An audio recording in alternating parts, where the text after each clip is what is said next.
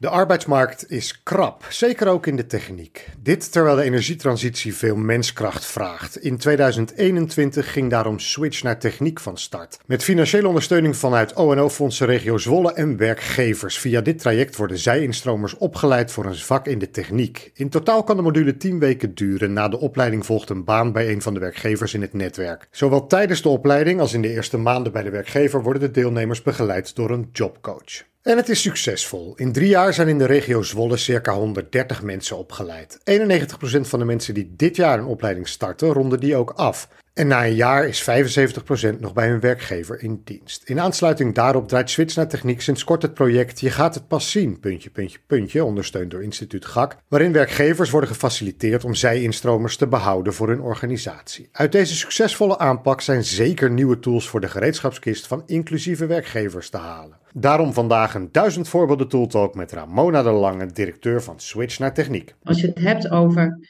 de inclusieve arbeidsmarkt, dan heb je het niet alleen over de zijinstromer, in ons geval, die zich moet aanpassen aan de werkgever. Maar we merken ook dat werkgevers soms ook nog wel eens wat te leren hebben. Nou, die jobcoach signaleert dat.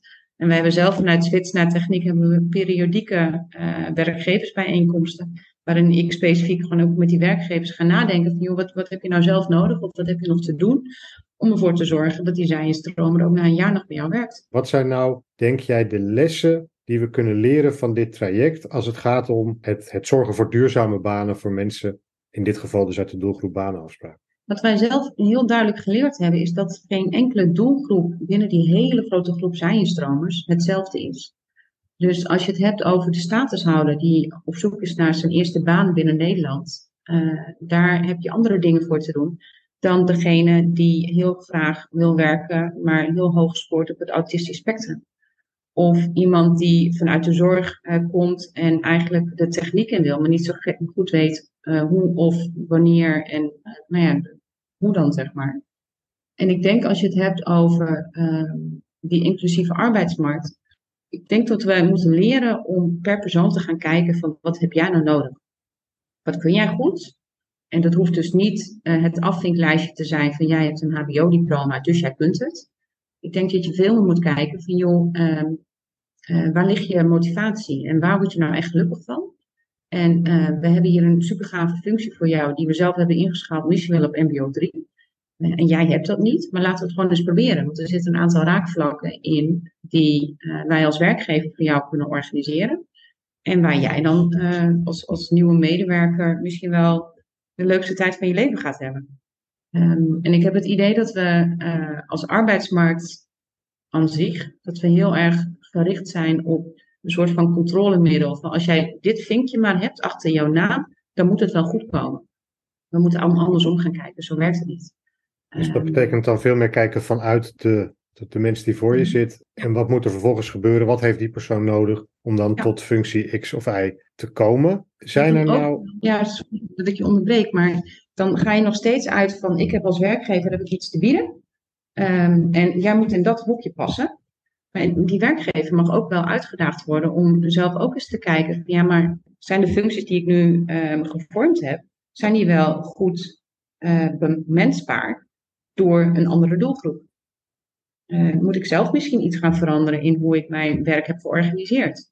Is de manier waarop nou, het standaard, we, het, we doen het al tien jaar zo, is dat wel de manier waarmee ik een nieuwe doelgroep op, arbeid, op de arbeidsmarkt de juiste plek kan geven? Dus dat betekent eigenlijk een, een, omslag naar een houding van we doen het al tien jaar zo, meegaan of afhaken, naar kritischer naar jezelf en je eigen organisatie, dus in die zin dan te, te kijken. Ja, ja, dat denk ik wel. En begeleiding, in dit geval, in jullie geval dus door een jobcoach, kan daar dus bij helpen om dat proces dan in goede banen te begeleiden.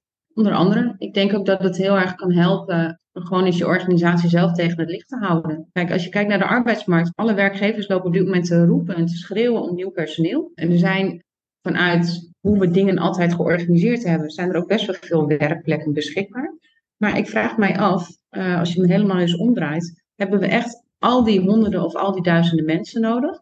Of hebben we binnen onze eigen organisatie dingen misschien wel anders te organiseren? En kunnen we meer werk met minder mensen doen? Waarbij we meteen kijken of we misschien wel aan de onderkant van de organisatie uh, ruimte creëren om uh, zij-instromers of mensen die niet vanuit de techniek komen, om die op goede manier een plek te geven en vervolgens op te leiden.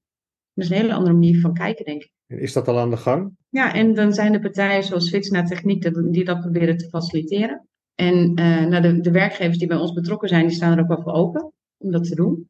Ehm, maar ook niet alle werkgevers weten al precies hoe dat moet. En dat snap ik ook. Uh, want het is ook een hele beweging die op dit moment natuurlijk op gang komt. En ik denk dat het ook een stukje bewustwording is dat ja, hoe het tien of twintig jaar geleden geregeld was, dat dat niet meer het antwoord is op alle vragen op, uh, die, die er op, dit moment zijn. Dus het is soms ook gewoon terugleggen van waarom doe je dit en hoe doe je dit dan en kun je daar ook op een andere manier naar kijken. En dat gesprek, dat proberen we te faciliteren. En dat doen jullie in, in een sector en in één regio. Maar heeft dit wat, wat, jullie betreft de potentie om dit A op andere plekken en B ook in andere sectoren te doen? We zijn op dit moment uh, binnen regio Zolle al een verkenning aan het doen op de metaal. Dus kunnen we meer samenwerken met metaal. We zijn ook al voorzichtig aan het verkennen of we richting de bouw iets meer kunnen doen.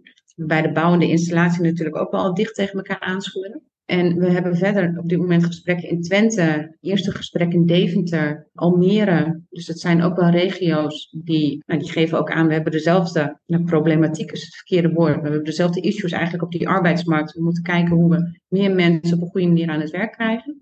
En die willen dan kijken of ze dat vanuit het format van Switch naar techniek vorm kunnen geven. En bij het ontstaan van Switch naar techniek was dat een van de voorwaarden. Um, dus wij hebben uh, een hele mooie ondersteuning gekregen vanuit het ONO-fonds Netwerkbeheer. Um, en zij hebben ons echt op weg geholpen in het schrijven van onze processen en het vormgeven van, de, van het idee en van de organisatie. En zij hebben ook als voorwaarde gesteld van richt het nu zo in en uh, beschrijf het op zo'n manier dat je ook makkelijk naar andere regio's kunt. Eigenlijk het ontstaan van Zwitser naar techniek heeft altijd als gedachte gehad van als we het hier binnen Zwolle goed voor elkaar hebben, dan willen we het heel graag delen naar andere delen van het land of naar andere sectoren.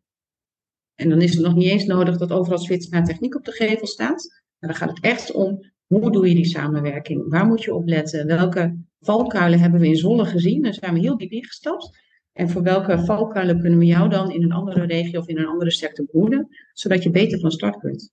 Vanuit een aantal werkgevers kwam de behoefte om uh, samen iets te doen in het werven. En dat is uiteindelijk ja, eigenlijk een soort van ontwikkeld naar hoe kunnen we uh, nieuwe mensen, science-stromers, uh, gezamenlijk opleiden. Wij hebben vanuit die werkgevers, bepalen wij nog steeds de richting. Dus die richt, de richting wordt bepaald door de werkgevers.